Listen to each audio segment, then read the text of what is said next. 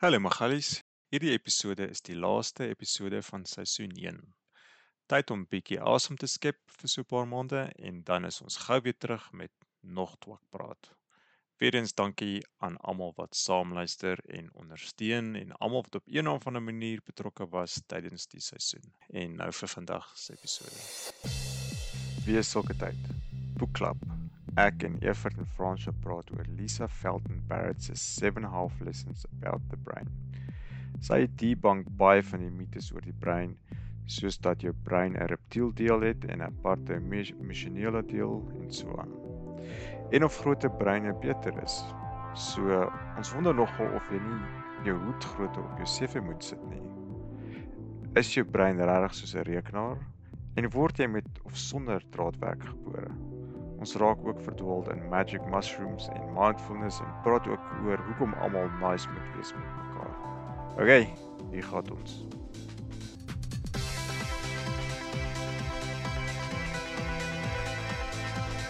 Hallo ouens. Hallo Magalies. Hallo, welkom. Ja. Oh, ja, dankie. Welkom se gat man.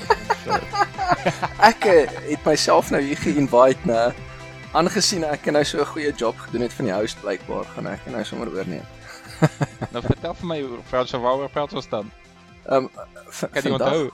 Vandag praat ja. ons ja. oor 7 ag nou 7 and a half lessons about the brain. Uh deur Lisa Feldman Barrett. Nou weer eens is ek die die ou wat nie die huiswerk gedoen het nie. So ek dink ek word hier vir die vir die gek gehou. Ehm um, maar ek is happy gegooi. vir die wolwe gegooi, maar ek's happy om om sewe lessies te leer vanaand. Ehm um, of vandag 7 en 'n half. 7 en 'n half, die half is baie belangrik. Ek begin met 'n PSA again want lyk like my dis nou my angle die ek het audiobooks ontdek. Ek weet ek ek gee vir almal kak oor jy mag nie op 'n elektroniese fiets rondry nie want dit tel nie as fietsry nie en audiobooks tel nie as lees nie. Maar ek het die boek op audioboek geluister en alhoewel ek ek sal later praat oor wat ek daarvan gedink het. Dit is so gemaklik en ek het iets agtergekom wat ek vir enige iemand wil sê wat audioboeke lees. Daai donderse audioboek kos net maar 27 dollar as jy hom net koop. Toe kom ek agter as jy die Kindle weergawe koop vir 2.99 of 2.99 ek's op Kindle uh, ek's op Amazon CO UK vir my Kindle. Jy koop hom vir 2 pond die Kindle ding en dan gaan jy na Audible CO UK toe wat deur Amazon besit word en dan gee dit vir jou opsie Whisper Sync. Hmm. En dan kan jy die audioboek koop omdat jy die Kindle het vir ja. sien maar nog twee. So ek het die hele storie, ek het 'n Kindle boek, die Kindle data plus dieselfde audio, dis nog steeds sy wat dit lees, nie een van 'n Microsoft se robot voice wat dit lees nie, vir 2 dollar keer. So ek het vir 6 dollar, ek het die Kindle en die Audible vir 'n derde van die prys gekry wat die Audible op sy eie kos. Dit is belaglik en ek dink maar is daar fout en ek soek aanlyn en dan is daar mense wat sê hoe het ek in my lewe nog nooit hiervan gehoor nie. Dit is amazing. So dis iets wat Amazon nie behoorlik maak dit nie, maar as jy as jy wil audiobooks koop, dink tog daaraan om miskien die Kindle weergawe te koop en dan aansienlik goedkoper te betaal vir die audio. Dis amazing. So ek het klomp audioboeke nou gekoop. Ehm um, so en dit laat my weer oefen want ek luister na die audioboeke as ek draf of as ek roei. So ehm um, ja, ek het die boek op audio geluister my en My vraag is Ja, ek het dit deurgemaak. het jy nie konsentrasie nodig om na die boek actually te luister nie? Konsentreer jy nie so op jou next stroke? Ah, oh, okay, dis nog net 20 minute wat ek nee, moet roei. Uh uh. Nee. Dit hang af van die boek dink ek.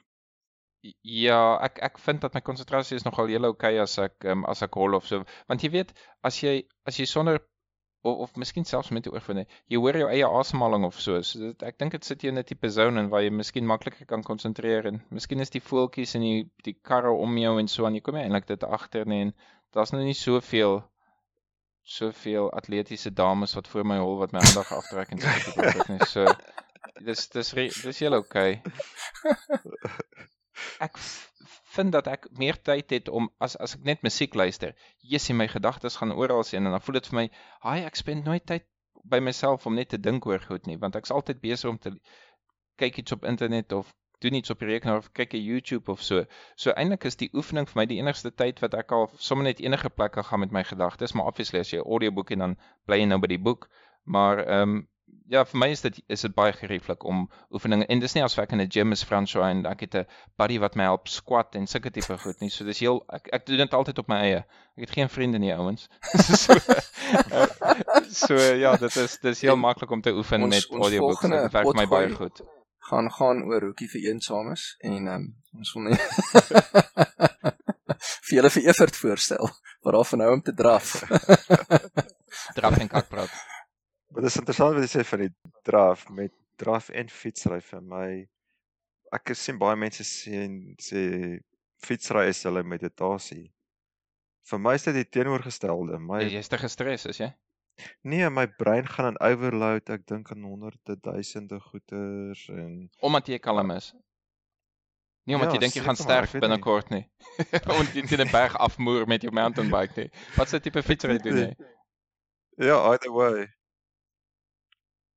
Maar hoorie, ehm um, ek luister na Michael Shermer, is een van my favorite podcasts hosts en ehm um, en ek volg hom op Twitter. Dan sien ek op Twitter hy stuur 'n Strava link aan. So Strava is nou die Ja. tool Ja. wat die fietsryers gebruik om hulle Die joggers op te rekord.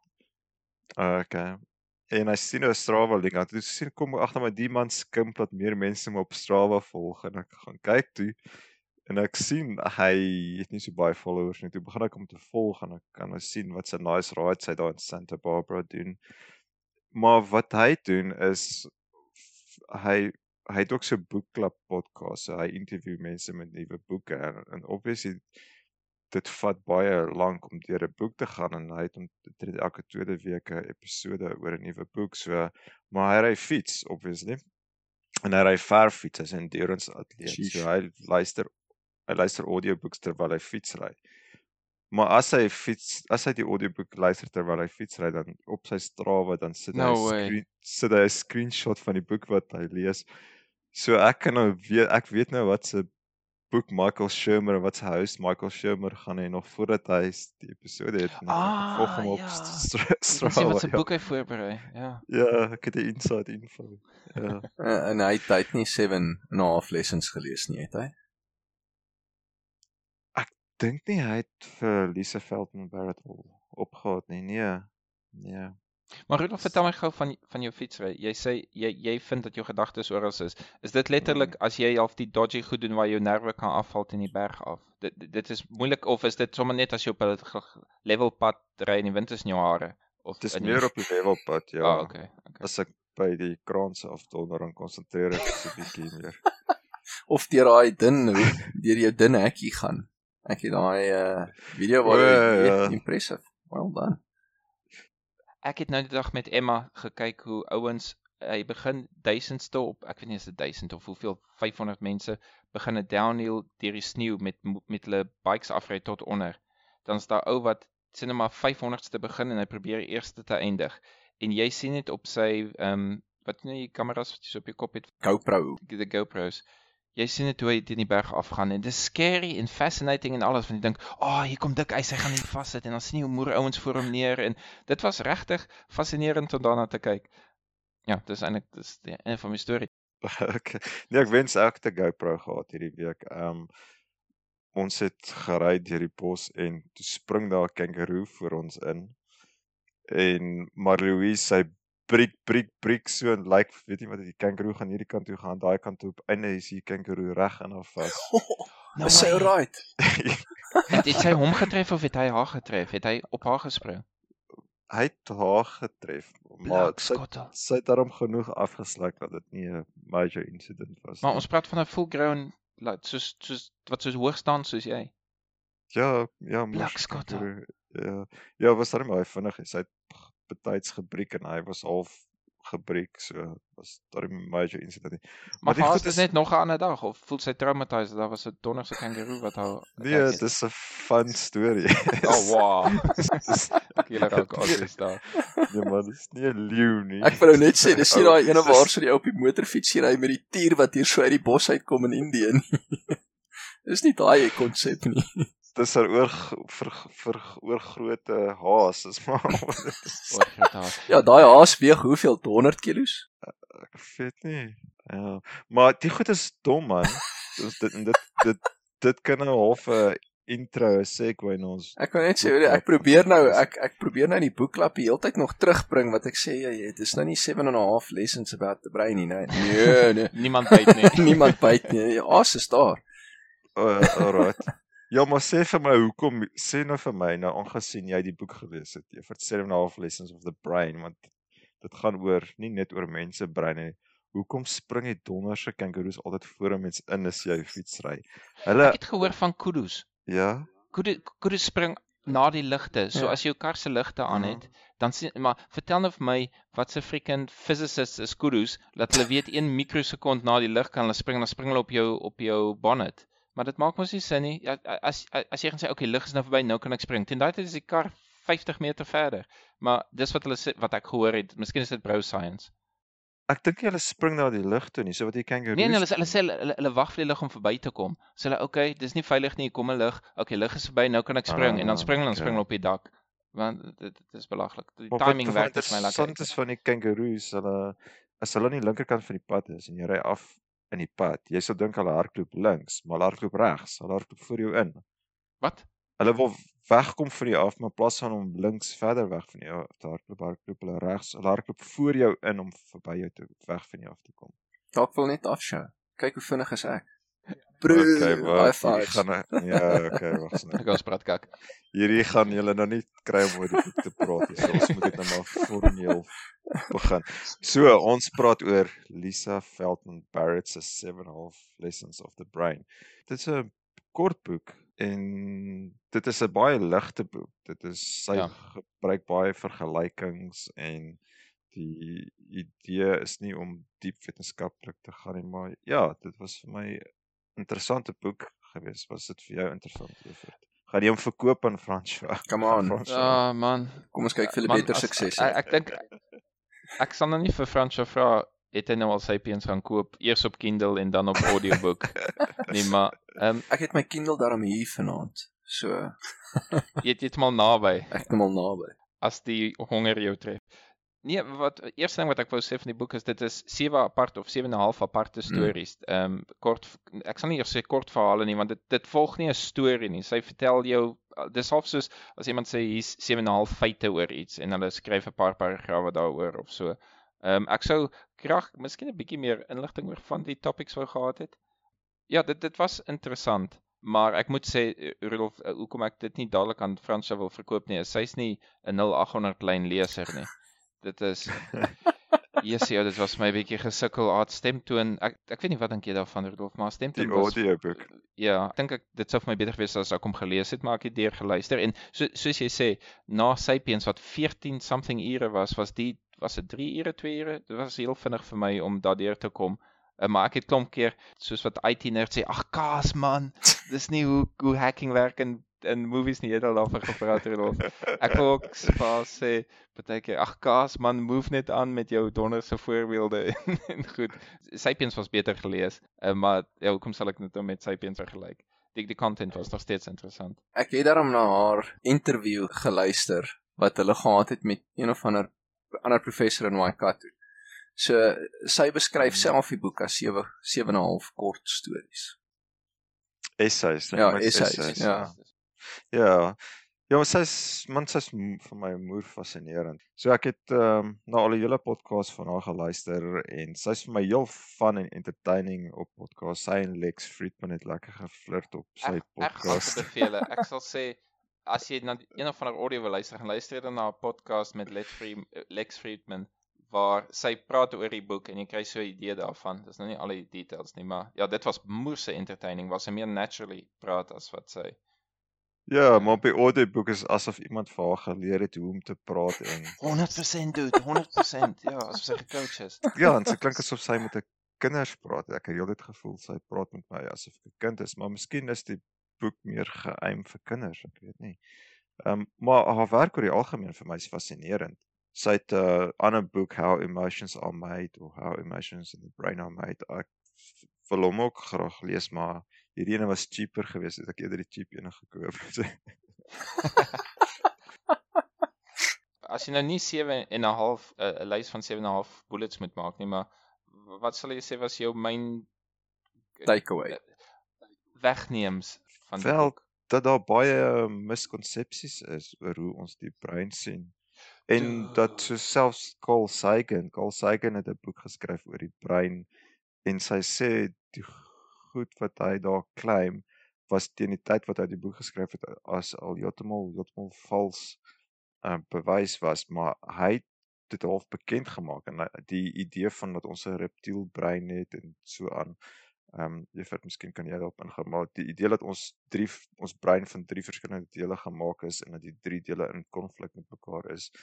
Ehm um, Carl Sagan het dit half bekend gemaak en dis nou so diep in ons kultuur dat almal dink jy het drie breine, maar dis ja, teen die tyd wat hy die boek geskryf het, was dit het wetenskaplikes al geweet ons breine werk nie so nie. Ek het alweer 50 kommentare daaroor. Go. Ek het nie van Carl Sagan geweet totdat hy dood was nie, maar tot tog het ek al respek vir hom want clearly is die ou famous en hy hou van die goed waarvan ek in belangstel en so aan.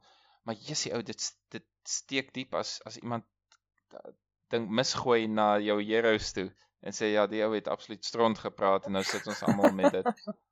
Maar aan die ander kant as dit dis alle ek dink die woord is allegories.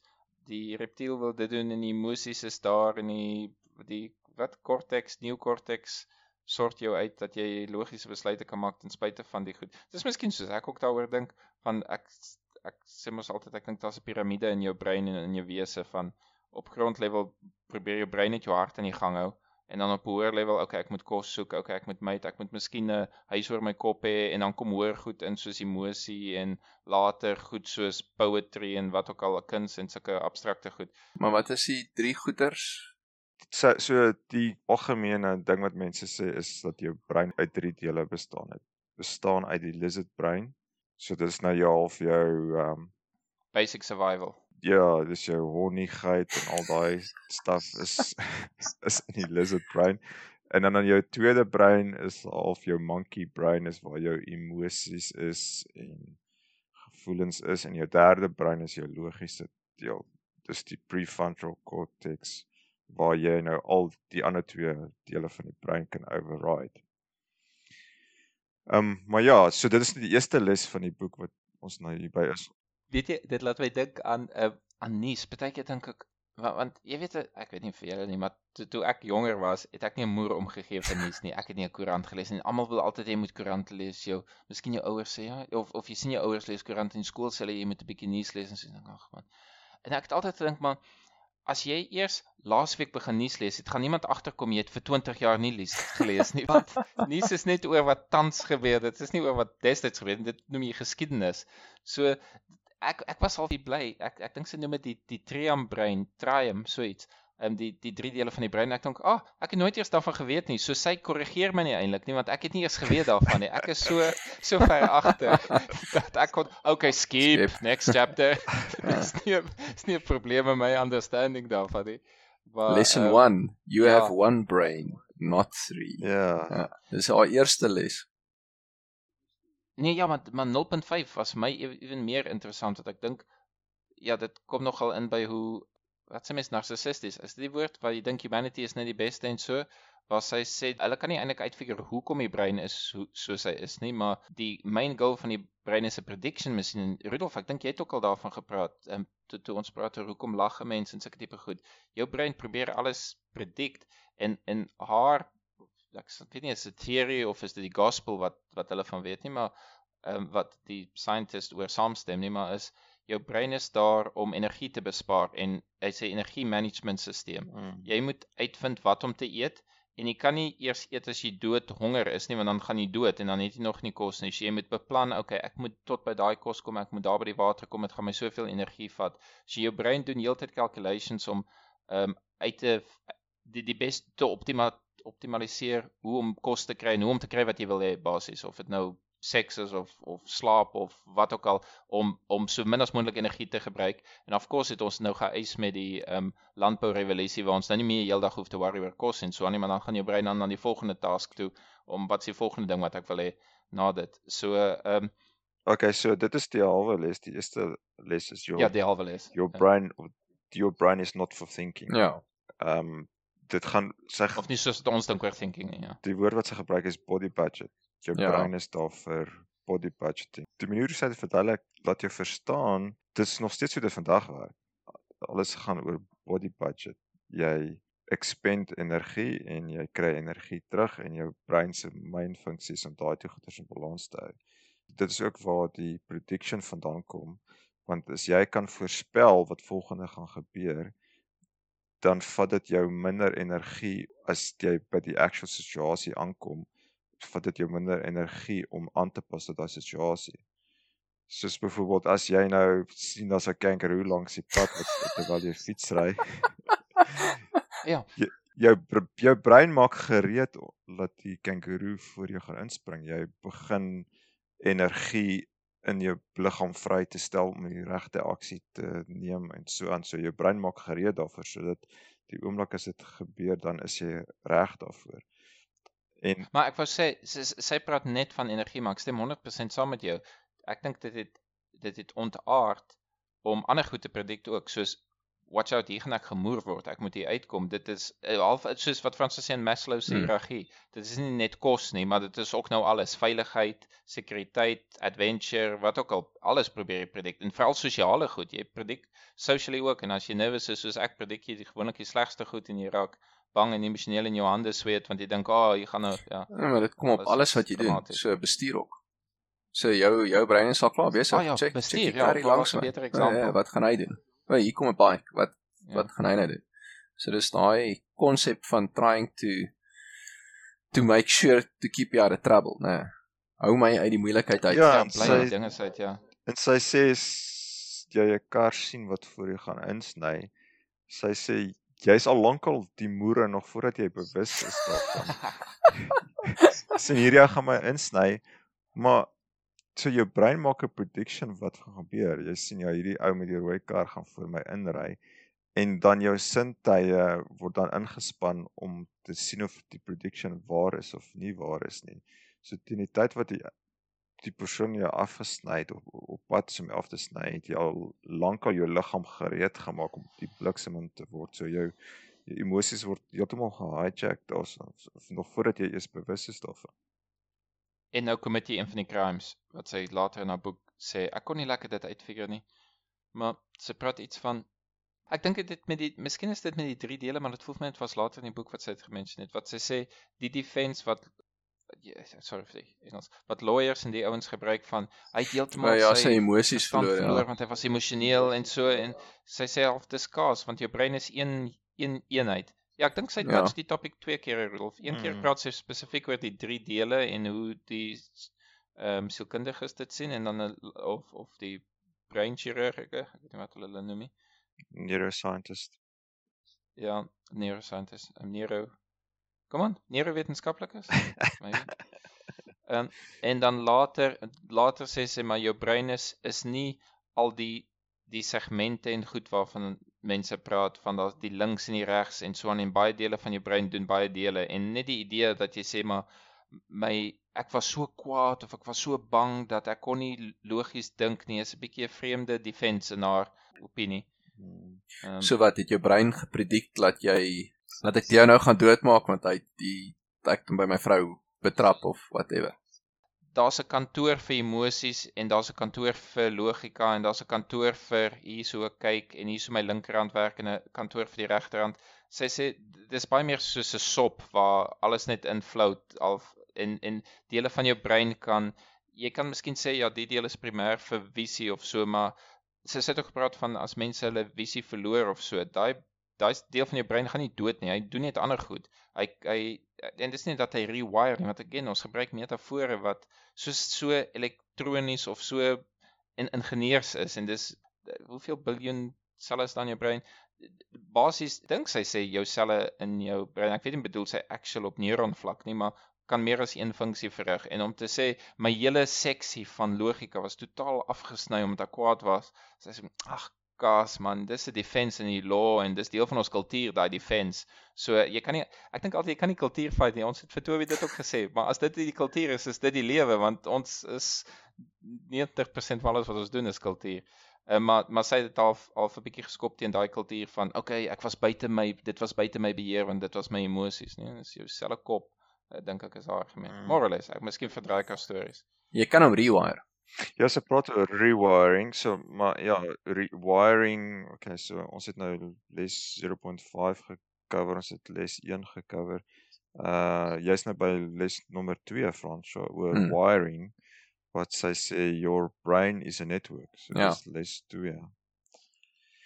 So die rewiring of dis nie net rewiring is wiring ook in die eerste plek. Hmm. So dit gaan oor die nature versus nurture gesprek. Um Ek het baie daarvan gehou.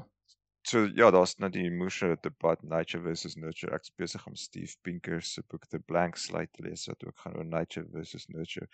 En sy sy hou nie eens van die argument nie. Sy sê nee, ons moenie praat oor nature versus nurture nie. Sy sê you have the type of nature that requires nurture. Wat so mooi sin maak en ek wil haar nog steeds 'n klap gee vir omdat sy die nature nature woorde daarin gebruik het, maar ja, okay, dis seker maar pop side tipe antwoord vir 'n vir 'n verkeerde vraag. Maar basies is dit die vraag is Ja. verkeerd. Jy moet nie vra 'n nature or nurture nie. Ons daar's geen ander manier wat jy kan sê hoe hoe jy uit die boks uitkom beteken jy het baie aandag en hulp nodig van jou ma en jou ouma en jou familie en so om jou aan die gang te kry as 'n normale human being. So, so jy kan nie die een sê ons het dit nie dit nodig nie of ons nie die ander een. Maar hier's nou vir julle ene.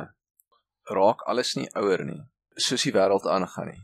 So as ons nou gaan terugkyk na middeleeue en nog voor dit, jy weet jy's op 13 of 10 al uit die huis uit en het al gaan werk en whatever die geval is, 13 is jy getroud, 16 het jy al 'n kind. Jy weet daai klas van dinge. Waar sou dit nou 'n soort van nee nee nee, nee jy hier up until 18 is jy nog nie eers 'n adult nie. So het die nurture gedeelte dan nie ingekom Jy sê nie. 8 het Hm, ja, interessant. sy praat van tot 25 of Mm. iets mm. ontwikkel jou brein heeltemal en dan wonder jy maar okay so hoekom kan jy stem as of trou of enige iets as jy as jy soveel jonger is so eh, aan die een kant voel dit vir my jy kan nie laat mense niks doen tot hulle brein 100% ontwikkel is nie want dan gaan nie genoeg use uit mense uitkry nie so aan die een kant ja in die ou tyd het mense miskien nie lank genoeg geleef nie maar ek het gehoor dis ook 'n nonsens storie Rudolf hoe werk dit dat, dat die average is 45 maar dis omdat almal in oorlog Ja. gevrek het of iets dis nie asof niemand het 90 geword nie wat was die storie Dis omdat kindermortaliteit Ja. so hoog was. o so, Sodra hulle die kinders begin red het, het hulle die mense begin deurtrek. so dit net dit net wiskunde het beter gewerk ja. Die mense het nog steeds dieselfde ouderdom geword as jy dit beyond as jy 12 was dan het jy heel moontlik 50 geword in spite daarvan het feit dat die average 30 ja. was so iets Ja, dit dit as jy ek kan nie onthou wat die getal is nie, maar as jy iets soos 20 of 30 maak, dan gaan jy 70 Hmm. maak. Um, so dis kindermortaliteit wat dit afgebring het. My argument vir Fransjo dat hulle moes mense gebruik het voordat hulle vrek is dan verkeerd want almal die mense wat wat reeds 12 was was sorte tot 70. So dit was nie die rede hoekom almal vroeg begin het. Sommige hulle dom was. Sommige hulle brein nog nie ontwikkel was nie. Maar okay, dit is nou half van topic af, maar dit dit gaan net aan en aan en aan. Nou in Australië, meeste mense is mee in hulle 30's voordat hulle trou en meeste vrouens wag tot die heel laaste om kinders te hê. So ja, dis interessant. Ja, dis miskien meer 'n sosiale tipe pressure en jy kan sê omdat die in in die stede raak alles duurder, bly kinders totdat hulle 30 is by hulle ouers en as gevolg van internet en so het mense minder vriende en meer en en omdat jy in die city bly, het jy ehm um, minder support networks om jou en so aan. So miskien is dit daai tipe van spesialisasie ding. Ons raak al hoe meer gespesialiseerd en omdat jy nie meer 90% van jou dag moet spandeer van jou wakker tyd om kos te kry nie, Ek wonder eintlik wat is die wêreld average inkomste? Wat percentage van jou dag moet jy spandeer om net te eet en watter persentasie? Ek ek dink vir ons in die eerste wêreldlande dis is seker die eerste 10% as jy sorte dan die res van die 90 is net vir jou brein se nonsens. Al jou ander dude, as ons nou van een rabbit hole na 'n ander rabbit Nee nee nee, ek dink dit raak aan Ja. die as 'n baba pertjie gebore word, dan kan hy rondhol Hmm. na 5 minute. By die mens werk dit nie so nie en Frans sê dit vat ewen langer as ooit. En ons kan nie lekker uitfigure hoekom nie. Miskien is dit 'n hele gooi op sy eis. Maar dat daar's verseker iets unieks aan mense wat aangaan. Iemand het gesê wel honde word daarom gebore met hulle oogies is toe en so aan. Right? Ehm um, as hondjies gebore word, Hmm. so hulle is ook nie heeltemal 100% fine as hulle uit die boks uitkom nie. Die boks uitkom. Maar interessant, weet jy, sy het, sy het gesê terwyl 'n kind se oë nog nie oop is of so iets, is dit iets 'n kind se oë nie oop nie? Ek het 'n kind, ek kan nie onthou was haar oë oop nie. Eerste paar dae, eerste 9 Ja, dae. of iets. Ehm um, sien nie skerp nie. Sy sê jy het nog nie die wiring in jou kop om te kan behoorlik te kan sien nie. Ja. Jy eers as jy jou oë gebruik, dan is dit dan kry jy daai skill om om om te kan sien en mense se gesigte te identifiseer. Wat eintlik sin maak, maar dit is creepy om te dink as jy gebore is, weet jy nie wat 'n mens is nie. Jy jy leer van jou ma. Ah, okay, die weird thing wat ek hier sien is my ma. Okay, dis cool as jy as ek die mense om my sien. Voordat het jy nie geweet wat dit is nie. Jy leer jy weet nie spoorlik hoe om te sien nie. Jy soos jy begin praat. Ja, wat wat is die wat is die sensasie wat ek hier kry in my brein? Ah, okay, dis visie. Dis amazing. Dit het 'n geval genoem van van babatjies wat met katarakke gebore word. Um hulle sig ontwikkel nooit behoorlik nie. So as jy seker as jy word ontneem van sekere um nurture as jy 'n baba is, daai dele van jou brein ontwikkel nooit ordentlik nie. Sy het 'n voorbeeld gevat van 'n uh, Roemenië waar daar ongelooflik baie um, orphans was op 'n stadium en hulle is nie behoorlik versorg nie en hoe hulle nie behoorlik kan ontwikkel nie. Daar's voordele om met die nurturing nodig te hê en daar's ook nadele. Die nadele is is dat jy nie daai nurturing kry dan gaan jy agteruit. Of wat dan ontwikkel dan ontwikkel jy nooit ordentlik nie. Die voordeel is dat ons die plus plusis wat is dit? Plasticity. Plasticity. Ja, ons het baie plasticity omdat ons Nou sê my in Afrikaans. Dis hy. Goeie werk, ja. Nou dis elasticity. Nee, dis plasticity, not elasticity. Okay. Okay, goed. Iemand iemand stuur vir ons op Facebook wat die donderse woord is asseblief. Elastisiteit is goed genoeg vir my. Ja. Ehm um, ja, so ons is gebore met elastisiteit, maar die nadeel daarvan is as jy nie die regte opvoeding kry nie, dan ontwikkel jou brein nie ordentlik nie ek het gaan opkyk want ek het verseker die storie gehoor en en nou is ek al confused wat die een van die twee brow signs is. Ek het voorheen al gelees dat die rede hoekom hoekom kinders soveel sosiale ondersteuning en hulp nodig het as hulle gebore is is omdat Homo erectus het begin regop loop en as jy regop loop en bipedal is dan um, moet die heupe nouer wees. En omdat die heupe nouer is, kan 'n kind met 'n groot kop nie gebore word want die kop is al reeds groot. So daarom word kinders vroeër in in kwotasiemerke word vroeër gebore sodat hulle koppe later kan groei en dit beteken hulle is baie swak as hulle gebore word en hulle moet gehelp word en so deur hulle ouers of so. Toe het ek vir daai storie op internet gaan soek nadat ek haar boek gelees het. Toe sien ek 'n ding van van in 2012 wat daar artikel is, waar hulle sê dis absoluut nonsens.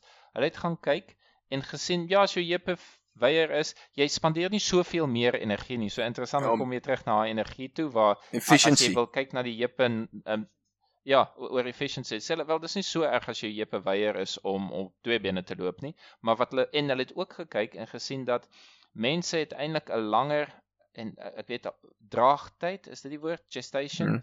as as byvoorbeeld ape en so so dis nie dat dat die kind vroeër gebore word nie en die beste korrelasie wat hulle kon vind is hulle dink dat dit is dat jou ma se metabolisme of die moeder se metabolisme kan nie die fetus support vir veel langer nie. As hy groter sou gewees het, sou dit te veel van haar energie, again, energie gevat het om die baba te te kry. So hulle sê dis nie as gevolg van die nou heupe wat nie 'n groot kop kan uitkry nie. Dit is dis te veel effort nou vir die ma om die, om die kind te hê. So daarom word hulle nie eers vroeg nie, net ge gebore tot wanneer sy dit pretty much kan doen of wanneer 'n uh, uh, average human being die die kind kan dra.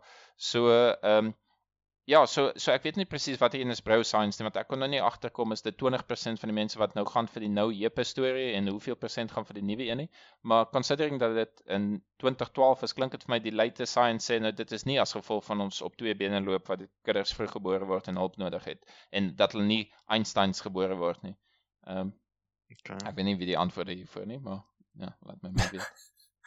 Well, ek ek sien ons is nou by die derde les, die Rudolf jy met jou lys. jy jy beer voor in die storm. Piepie teen die wind. ons sal gestruktureerd wees. ja, ek is die ingenieur in die in die vertrek, ek jammer. So die derde les nou dat jy my onderbreek het. Die derde les is little brains wire themselves to the world maar kom aan Ever verduidelik vir ons hoe werk die neuron wiring. Hierso ek weet. ek ek kom aan jy onthou die hele vliegtuig analogie. Oh nee, dude. Met my nie spes, spes, ek het meer 'n holistiese view oor die boek as die spesifieke Okay. spesifieke chapters, maar wat vir my dit voel vir my daar was ten minste 3 of 4 nee, miskien 3 topics waar dit weer kom oor jy kan 'n kind behoorlik opdonder as jy as jy Hmm. droog maak en hoe hoe ek sê spesifiek versigtig jy moet wees nie, want as jy kyk daar's hoeveel biljoen mense op aarde en die aarde is 'n reël okay plek. Maar ja, dit dis 'n groot verantwoordelikheid. Ek ek dink dit my weer laat besef die verantwoordelikheid van van kinders grootmaak en ehm um, die impak wat jy daarop het want hulle is hulle is gemaak om te leer. Dit is nie asof hulle hulle daar is en reg is en reg is om te leef nie. Nee, hulle leer wat jy doen, ek weet nie, copy hulle wat jy doen het 'n impak op hulle en ons weet nie altyd hoe die if then else van daai storie werk nie. As ons geweet het dan sou iemand seker 'n boek geskryf het wat actually werk om kinders op te voed wat predictable is. Adresseer sy verskillende kinders. So jy het jou mooi modelkind en jy jou kind wat net nie net anders is. Jy wil hoor nie. Ja, wat wat net net, net anders is en hulle kom uit dieselfde huis Ja. uit. Nee. sy het glad nie te veel kommentaar daarop daarop gesit nie soos wat um, Rudolf sê sy die ehm um, die Romeinse Romeinse um, Romanian ehm um, weeshuise verduidelik en omdat hulle nie voorbehoeding ehm um, toegelaat het nie, ehm um, was daar baie ongewenste kinders en die impak daarvan. En en dit kom al deur in haar stories dat ja, dis nie goeie idee nie, maar sy sy gaan er nie dieper in nie. De, en dit is hoekom die boek in general voel dit vir my as jy belangstel in 'n topic alweer is daar jy, jy moet gaan verder lees en verder half navors en sien ah ek wonder wat van ek weet nie van een of ander psychopath twin waar die een is 'n psychopath en die ander een het 'n dominee geword of iets. Ek ja dit is sulke goed gaan jy nou self moet soek. Sy sy het nie sulke konkrete voorbeeld nie. Sy gebruik meer haar metafore Rudolf. So laat ek nou jou donderse vliegveld storie terug. Sien sy gee 'n example. Ek, was dit ek kwaad geraak, maar miskien is dit omdat ek na werk huis toe gery het en toe is ek nou al reeds moeg. Waar sy gee 'n voorbeeld dat maar soos soos 'n vliegveld is daar baie funksies wat jou brein verrig en dan lys sy iets soos 15 verskillende goed wat in lughawe kan gebeur. Jy kan kaartjies koop, jy kan burgers eet, jy kan jou tas incheck, jy en sou net nie op nie. ek weet ek was net geïrriteerd ek het Sorry almal, sorry Rudolf. So daai ene gaan oor dat neurone verskillende funksies kan verrig en soos wat hy so sy gebruik die jou brein se neuron netwerk, sy verduidelik dit deur van 'n lughawe te praat of lughawens te praat. So sy sê dis soos 'n lughawe netwerk waar jy jy het die hoof lughawens, die internasionale lughawens wat soos 'n hub is en dan het jy die kleiner lughawens wat in die hub invoer en jou brein werk dieselfde. So daar's half hierdie mynpunte in jou brein waar wat sy sê elke neuron kan nie gekonnekt wees met elke neuron nie. So daar's hierdie hubs in die brein um om dit makliker te maak. Wag nou, jy, jy sê sy sê elke neuron is nie verbind nie, maar is maar soos 'n sop. So elke neuron Nee, elke neuron is nie direk gekoppel aan 'n ander neuron nie. So neurons koppel aan hubs. o en die van hubs dit maak seker dat die comms deurkom tot by die neuron wat nou moet hoor oor hierdie tel op die klip of wat ook al die geval mag wees. Maar dit is vir efficiency. Ja. Ja. Gaan oor efficiency. Iewers beweeg ons van iets wat moerklein is en daar 300 biljoen of ek weet nie hoeveel biljoen van die goed in jou kop is, beweeg ons dan ewe skielik na die volgende vlak toe en en, en sy verseker hou nie van die volgende vlak nie, maar van die idee van okay, daar's 'n ding wat wat net maar sig kan doen en daar's 'n deel wat jou logika is dan daar's deel wat jou emosie is en, en sy wil half nie dit doen nie, maar ek weet nie dit voel vir my daai vlak van 300 biljoen goed. Ek kan nie dink aan 300 biljoen goed wat ek moet doen met my kop nie. So dit voel vir my jy kort 'n bietjie abstraksie wat 'n bietjie hoër is as as die neuron vlak wat jy kan sê okay. So so ek hoor wat jy sê sy sy dit vergelyk met die hubs van 'n vliegveld, maar ek weet nie wat doen ek met daai inligting? Dit dit So julle julle weet van die Tweede Wêreldoorlog, die die nasies wat die koppe oopgesny het van die Jode. Want hulle 'n stukkie brein uitgesny en dan hulle hom wakker gemaak. Ons sê okay, hallo, wat gaan aan? wat? Ja ja, di- dis dis waar So baie van die Ja, daar's dis is. baie van die Ja. kennis van die brein kom daarvan af. So dan het hulle hom wakker gemaak en hy, "O, oh, ek kan nie sien nie, ek kan nie sien nie." O, oh, okay, dis interessant. Kyk, kom ons sny nou nog 'n stukkie uit. Ek meen, ek gaan nie weer kan sien. Hy gaan my nie rewire as ek nou hierdie stukkie wat in die die sig is uitsny. My brein gaan my nie rewire laat ek nou hierso op 'n ander stuk van die sop ehm um, deur 'n ander hub geroet word. Ek ek dink meer haar punt was dat as 'n deel van jou brein nie meer vir iets gebruik word nie of van die begin af nie vir iets gebruik word nie, sal hy vir iets anders gebruik word nie. Dit is nie soos 'n plan wat daar vooraf is waar jy sal sê die deel is 100% dedicated. So sy sy sê nie as jy 5% van jou brein verloor gaan die ander 95 daarvoor opmaak nie. Sy sê jou 100% wat jy het, as jy 5% nie nodig het omdat jy dink sig is 5% of ek dink sig is 30 of iets, maar wat ook al dit hmm. is, as jy nie daai deel nodig het en daai selle gaan nie gewaste word nie, dit gaan gebruik vir Ja, gaan ander efficiencies calculate. Ja. So ja. daarso is 'n ou wat ek gesien het somewhere wat blind gebore is en hy het vir hom sonar ontwikkel. So hy hy maak sulke klankies. Ah, wat klik ek? Ja, yes, klik. Ek daarvan gehoor. Hy ry op 'n fiets dan hy klik die hele tyd so dan. Ja, ek het dit. Ja, is impressive. So ek het 'n artikel gelees wat wat sê dat jy kan jou eie neus beter. Hulle het mense soos 'n hond leer sniffel en dan kan hulle merkwaardig in 'n dag verbeter om om goed te ruik en so net omdat jy dit oefen want jy want jy gebruik dit nie. So jou brein is 'n muscle, nie net 'n netwerk nie. Dis definitief 'n muscle. Wel jy jy kan dit nou 'n ander vergelyk, ander metafoor gebruik. So ek miskien net sy waarsku baie oor metafore, soos die die woord wiring, sy sê dis ook 'n metafoor. Sy's en op die einde sê sy jy moenie 'n uh, metafoor verwar met kennis nie. So 'n metafoor help jou yes, om yeah. die help om jou dit te verstaan maar net omdat jy dit verstaan beteken nie jy het kennis daaroor nie. nie dit beteken nie jy het die detail kennis daaroor nie. So metafore is handig. Ehm um, maar ons dom mense te verduidelik.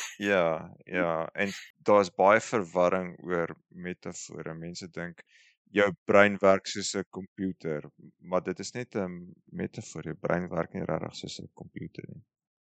Jy het ons vertel van quantum physics wat jy sê hulle het die metafoor van van observasie is is of die die woord observasie is heel verkeerd ewen. Wel dis net slegte taal. Ja, maar ons doen dit heeldag. Die computers wat ons sê 'n file kom van 'n file af en 'n cabinet en 'n ja. directory en 'n folder en al daai goed is is metafore en okay, dis maklik want ons bou computers so ons kan self die metafore kies wat ons weet pas. Maar by as ons goed leer, ja, ek dink altyd is uh, as iemand vir jou metafoor gee, jy moet regtig daai ou vertrou want Ek kan vir jou enigiets vertel. Ek kan sê, man, 'n vrou is soos 'n soos 'n hi-fi speaker system. Dink okay, so daar's twee tape decks en daar's twee speakers. Ek meen, wat kan ek aflei? So jy moet vertrou dat iemand wat vir jou metafoor gee, gaan vir jou die regte um attributes van daai metafoor gebruik om die ding te verduidelik en nie anders stroon daarbey aan. Jy jy daar's geen rede hoekom jy 'n metafoor moet vertrou nie, maar omdat jy bekend is daarmee, gou jy, "Ag oh, ja ja ja ja, dit maak sin." Maar dis net omdat jy weet van 'n hi-fi stelsel, jy weet miskien nog steeds nie hoe 'n vrou se kop werk nie, maar met iemand gesê dit werk soos 'n hi-fi, dan jy, "Ah, okay, ja, dit maak 100% sin." Ja. Ja, so moet sy waarsku jou om nie daai metafore te ver te vat nie. Die metafoor. Want dis so goed net... soos in, in Hollywood waar waar waar jou evil broer vir jou sê, "Hoor hierso, klein broertjie, moet niemand vertrou nie." En op die einde van die video dan sê hy evil skelm, dan sê maar ek het vir gesê jy moet niemand vertrou nie. sy gebruik so moeë baie metafore en dan op die einde, oh by the way, uh, moenie metafore vertrou nie of by the way, jy weet nog steeds niks na die hele boek wat ek aan jou verkoop het nie want want dis nie kennis. ha, joke kan jy. Dude, glas is halfpad leeg. Gelukkig het ek die audioboek geluister en nie gesit in die donderste ding gelees nie. En jy het net 2 pond bespandeer daarop want jy met jou met jou sink. Ja, dis nie maar jy is 27 jaar. Maar hoor vir sê vir my wat dink jy van die boek? ek ek Come on. Sê ag kom aan, jy het goed geleer.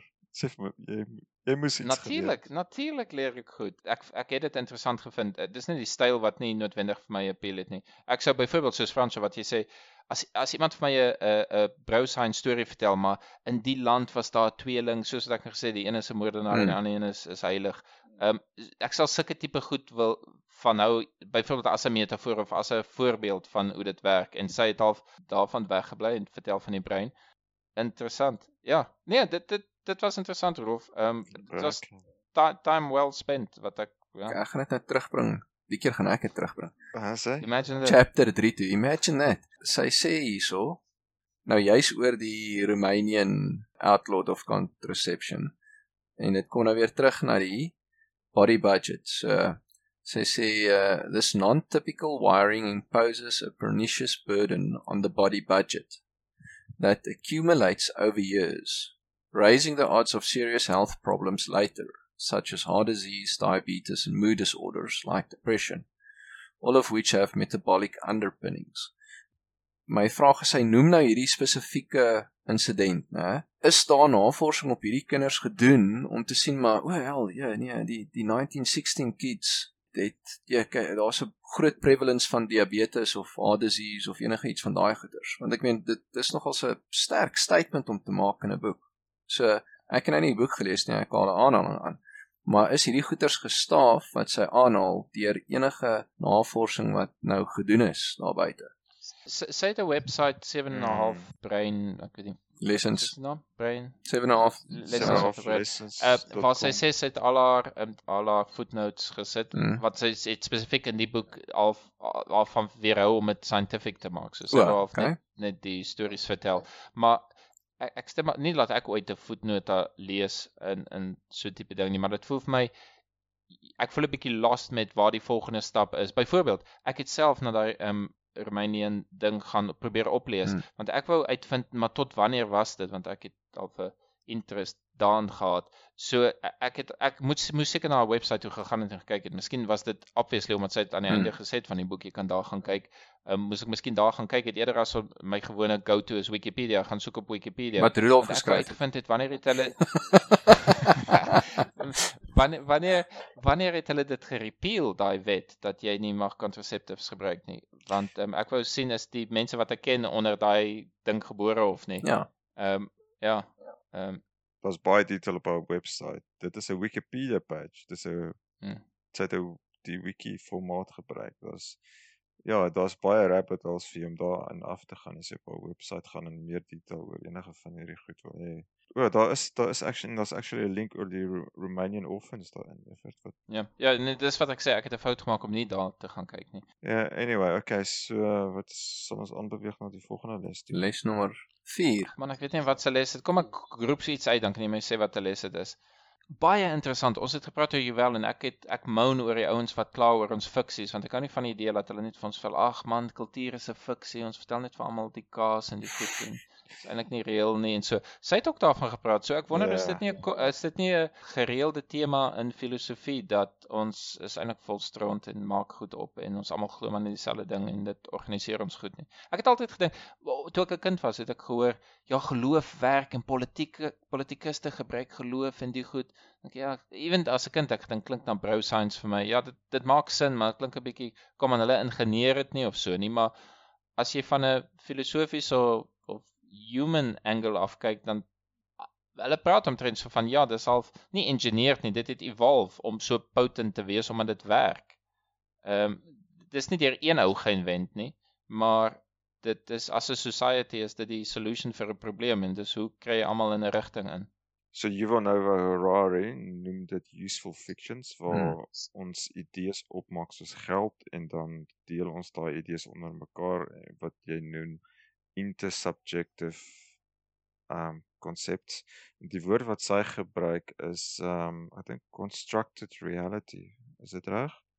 Of Dis moontlik. Ek weet nie wat haar term daarvoor was nie. Ek het net gedink hier gaan ons alweer. Hier's nou 'n tweede persoon wat ek al respekteer vir haar veld wat ook die tema opbring van ehm um, jou jy die kinders word gebore om iets te leer en hulle leer om ek weet nie wiskunde te doen en energie te bespaar en kos te eet en die ek weet nie yoghurt bakkie oop te maak en al die goed maar ook leer hulle die fiksies uh, wat ook al daar daar terme daarvoor ook leer hulle die fiksies van ons ehm um, Samelewing. samelewing en dat daar daar's nie eintlik 'n wet wat sê jy mag nie meer as 50 ry- wat daar is 'n wet daar's geen law in nature wat sê jy mag nie meer as die spoed ry op die pad nie maar dis 'n dis 'n ding wat ons almal ja wat ons almal leer en jy moet dit doen en jy moet dat doen ehm um, so jy's nou by die sewende les en een van die goed wat sy in die sewende les behandel is die 5 C's wat mense uniek maak. En een van die 5 C's is communication, die feit dat ons inligting kan oordra na mekaar toe. jy sê ou sy gaan die woorde moet eet een of ander tyd. Sy gaan verkeerd bewys wat daarop maar ek dink Ja, ons vind uit dat ehm um, mense is nie so uniek daarin nie dude iemand het iets gesê van Frankenstein wat sê ja dit is so ek soek nog steeds daai woord dit is so wyn van ons humans om te dink ja Frankenstein is 'n monster ja natuurlik kan jy nie 'n human maak want ons humans is so spesiaal en enige poging om 'n human te maak gaan altyd fail en so aan ehm um, ek dink nie ons is die enigste mense wat behoorlik kan kommunikeer nie. Ons verstaan dit nie hoe ek weet nie hoe 'n dolfyn of 'n walvis of olifant met mekaar praat en so aan nie. Selfs woude Ehm, kommunikeer met mekaar. Jou jou Boude, woude. Jou linkerbout en Nee, nee, bou Wat? nie bin nie. W w w woude, woods, Oop, forests. Bome, Ja, ja, ja. Ja, die bome. Ja. Ja, maar daar's 'n beperking.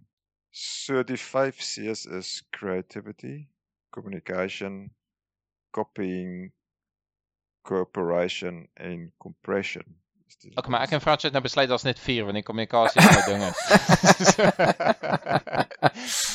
So skrap daai almal maak julle julle boeke oop wat julle nou gekoop het en dis skrap net daai kommunikasie uit asseblief. Magali spot gooi het besluit dit is. Ja, maar die ding met kommunikasie is soos byvoorbeeld sy ek dink sy het die voorbeeld gebruik van 'n hond. Jy kan 'n hond leer om te sit en jy het daai kommunikasie met die hond, maar die hond kan nie 'n ander hond leer hoe om te sit Ja. nie. Hy kan hom net wys. Hy kan hom nie vertel nie. Hoekom nie? Hy kan hy het nie lippe. ek weet nie wat bedoel jy. So Dis so ek het vers nee nee nee maar maar ek dink soos appe, appe kan leer om hy op die neet te slaan met die klip. Maar hy kan nie vir hom sê nee, vat 'n groter klip of so nie. Die kindertjies kan nou maar net kyk. So hulle kan leer by mekaar, maar hulle kan nie vir mekaar iets leer soos in vat die ding, nee, pas op daarvoor doen dit nie. Ek ek dink die, die feit dat ons woorde het om om die probleem te beskryf help om die inligting aansienlik vinniger oor te dra. Ek dink dis die punt So- daarvan is dit nie? Maar sy sê a- alle diere het elemente of van die 5 C's, maar die Hm. maar die mens is die enigste een wat al 5 het. O, oh, yes, ek weet nie of sy dit gesê het nie, maar ja, die feit dat ons ons al 5 het, is dit dis wat ons uniek maak. Maar okay, sy sy het ook begin deur te sê niemand weet regtig hoekom mense se breine so uniek is nie. En sy maak ook keer op keer die standpunt dat ons brein is nie spesiaal nie. Ons breine is net uniek gekeur vir ons niche. Sy praat baie oor niche. Ons het ons breine gekeur om 'n spesiale niche in te pas.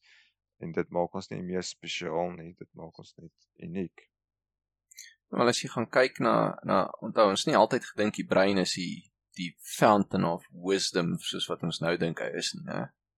Jou ancient Egypt dit as hulle die die koning en die farao gemummified het, het hulle die die stuk blob hier so in jou kop uitgeskoop met 'n lepel deur jou neusgat.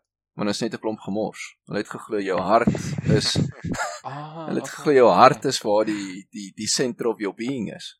So as hulle gemammify en dan het hulle hierdie goed hier uitgekrap van is net so 'n klomp grey patty nou net ek weet nie hoekom jy dit voel nou maar net jou kry neem en en dit uitgegooi. Maar al jou organe in jou hart en jou goeters is gerestore of of gestoor. surely to, to goodness François jy sê ek dink dan i- is die ek waarvan jy praat hier agter jou oë of so dink jy dit is dan nie 'n fisiese ding nie maar dit is meer aangeleer waar ons ons leer vir mekaar jy is jou kop jou Ja. jou brein of dink jy mens party mense wat sê ek as jy nou 'n 'n profiel gaan vat vir vir klomp ouens in die tronk wat ek weet nie papas doodgemaak het hulle gaan sê nee ek sit hier iewers in my tone of iewers of dink jy almal is eider aangeleer of instinktief sê ek is die agter my oë dis dis waar ek is Ek dink dit is baie natuurlike Ja. is baie natuurlike gevolg. is dit natuurlik weet ons wat is natuurlik O, oh, okay. Ons gaan nou nie die woord natuurlik definieer nie, maar nee want ek vra spesifiek is dit omdat ons geleer het Oh, is omdat agter ons geleer is. dat ons weet dis nie agter ons hart nie of dink jy as as iemand verrel groot word sal hy ook sê ek is my kop eerder as ek is my hart of my linkerarm of my sterk hand of iets dis die sentrale deel van jou sintuie. Dis waar jou oë is, dis waar jou O- oë neus en jou mond en ore ore. is en Okay. neus is so ek dink dis hoekom ons dink daar sit 'n mannetjie tussen jou ore wat jou bestuur. Soos 'n mannetjie. Ja, maar as as jy is as jy super goeie goeie oues wat visse met jou hande kan vang omdat jy so vinnig is, miskien en dis wat jy doen. Miskien steur jy jouself nie aan die res nie, dan dink jy dis jou hande wat ek is. As jy dink ek is die ou wat die vis vang en en in 'n in 'n meer primitiewe omgewing waar jy nie besittings het en ander goed doen en met ander mense, jy vang net vis en eet en dis wat jy vir jou tribe doen. So is ek dan nie eh, jou jou hele being nie. Nie net 'n stukkie nie.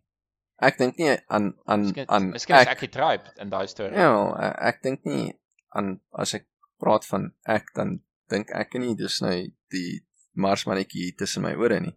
Um I'm the whole package. Daar's jou inleiding vir hoekie vir eensaam wat my wil begin. Hier is die whole package Frans. The whole package. okay, maar dit julle raak begin raak uh, begin boeddhisties raak hier op my. Want dit is Ai.